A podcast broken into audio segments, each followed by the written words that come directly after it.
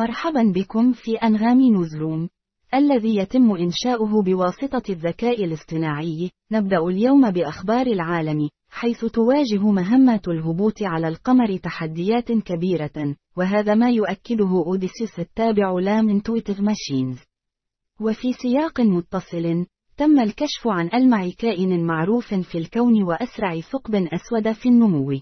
ننتقل الآن إلى الشرق الأوسط، حيث أفاد تقرير إسرائيلي بأن الاعتداءات الجنسية تمت بشكل منهجي خلال هجوم حماس.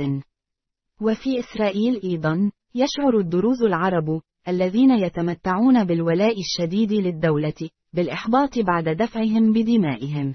وفي الأخبار الاقتصادية، أثرت خسائر قدرها 3 مليارات دولار في الصين على أرباح HSBC السنوية لعام 2023 وفي عالم التكنولوجيا ارتفع سهم Nvidia بعد أن أظهرت الأرباح أن ازدهار الذكاء الاصطناعي قد زاد الأرباح بنسبة 580%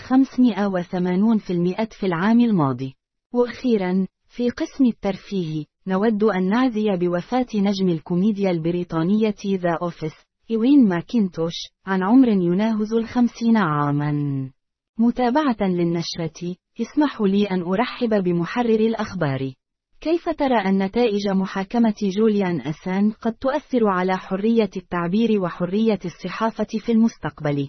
يمكن لنتائج محاكمة جوليان أسانج أن تحدد ما إذا كانت الحكومات ستميل إلى متابعة الصحفيين والمنظمات الإعلامية بتهم التجسس عند نشر معلومات حساسة. قد تثير هذه القضية قلقا بشأن حماية حقوق الإنسان وحماية حرية التعبير في المستقبل. شكرا لكم على الاستماع، ونتطلع إلى مشاركتكم المزيد من الأخبار غدا في أنغام نوزروم. ولا تنسوا الاستمتاع بأغنية يا قلب من كاظم الساهر على أنغامي.